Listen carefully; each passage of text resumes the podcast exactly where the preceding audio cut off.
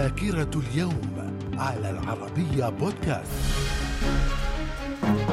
أهلا بكم ومن ذاكرة اليوم السادس من فبراير. في العام 1778 التوقيع على التحالف العسكري الأمريكي الفرنسي بين بنجامين فرانكلين ولويس السادس عشر. في العام 1817 القائد الأرجنتيني خوسيه دي سان مارتان يعبر جبال الأنديز مع جيشه لتحرير تشيلي من الاحتلال الإسباني. من الذاكرة. من ذاكرة السادس من فبراير في العام 1819 السير توماس ستامفورد رافلز يؤسس سنغافورة. في العام 1840 نيوزيلندا تدخل ضمن المستعمرات البريطانية. في العام 1922 التوقيع على معاهدة واشنطن البحرية وذلك للحد من التسلح البحري لكل من الولايات المتحدة والمملكة المتحدة واليابان وفرنسا وإيطاليا. في العام 1952 الأميرة إليزابيث تتوج ملكة على المملكة المتحدة بعد وفاة والدها الملك الملك جورج السادس. من الذاكرة. ومن ذاكرة السادس من فبراير في العام 1974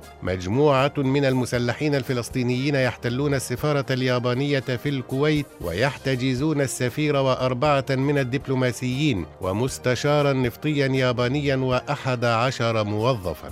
في العام 1998 مطار واشنطن الدولي يتحول اسمه رسميا إلى مطار رونالد ريغان. في العام 2006 ميشيل عون وحسن نصر الله يوقعان على تفاهم في وثيقة سياسية بين التيار الوطني الحر وحزب الله اللبناني وذلك في كنيسة مار ميخائيل. من الذاكرة. ومن ذاكرة السادس من فبراير في العام 2013 اغتيال السياسي السياسي والمحامي التونسي وأحد مؤسسي تيار الجبهة الشعبية شكري بالعيد. في العام 2014 انطلاق الألعاب الأولمبية الشتوية 2014 في سوتشي بروسيا. وقد أقيم خلال حفل الافتتاح يوم الجمعة السابع من فبراير عام 2014 مهرجان كبير. في العام 2015 الحوثيون يصدرون إعلانا دستوريا لحل البرلمان وتشكيل مجلس رئاسي بعد انقلابهم على الشرعية في اليمن